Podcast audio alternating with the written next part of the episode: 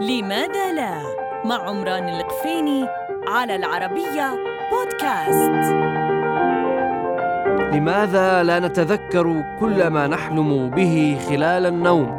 عزيزي المستمع إن أطرف ما قرأته عن طبيعة الأحلام هو أن المخ يقعد يتسلى خلال النوم. فليكن لكن عزيزي المخ أرجو ألا تتسلى بألعاب خطرة فتورطنا في كوابيس. يستمر الحلم عند الواحد منا من خمس دقائق إلى ثلاثين تقريبا.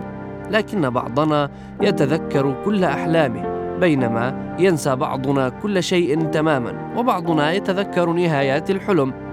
يعتمد ذلك على نشاط الدماغ وتحديدا على موجة عصبية فيه. لقد اجروا تجارب على أشخاص لحظة استيقاظهم من النوم فكانوا قسمين من ينتبه أسرع عند سماعه اسمه ومن يكون أبطأ. ما وجدوه هو أن تلك الموجة العصبية كانت أكبر عند أولئك الذين يتذكرون أحلامهم. وهذا يعني أن هؤلاء الأشخاص يستجيبون بسرعة لأي مؤثر وتراهم يستيقظون بعد الحلم مباشرة فيتذكرونه وترى نومهم خفيفا غالبا.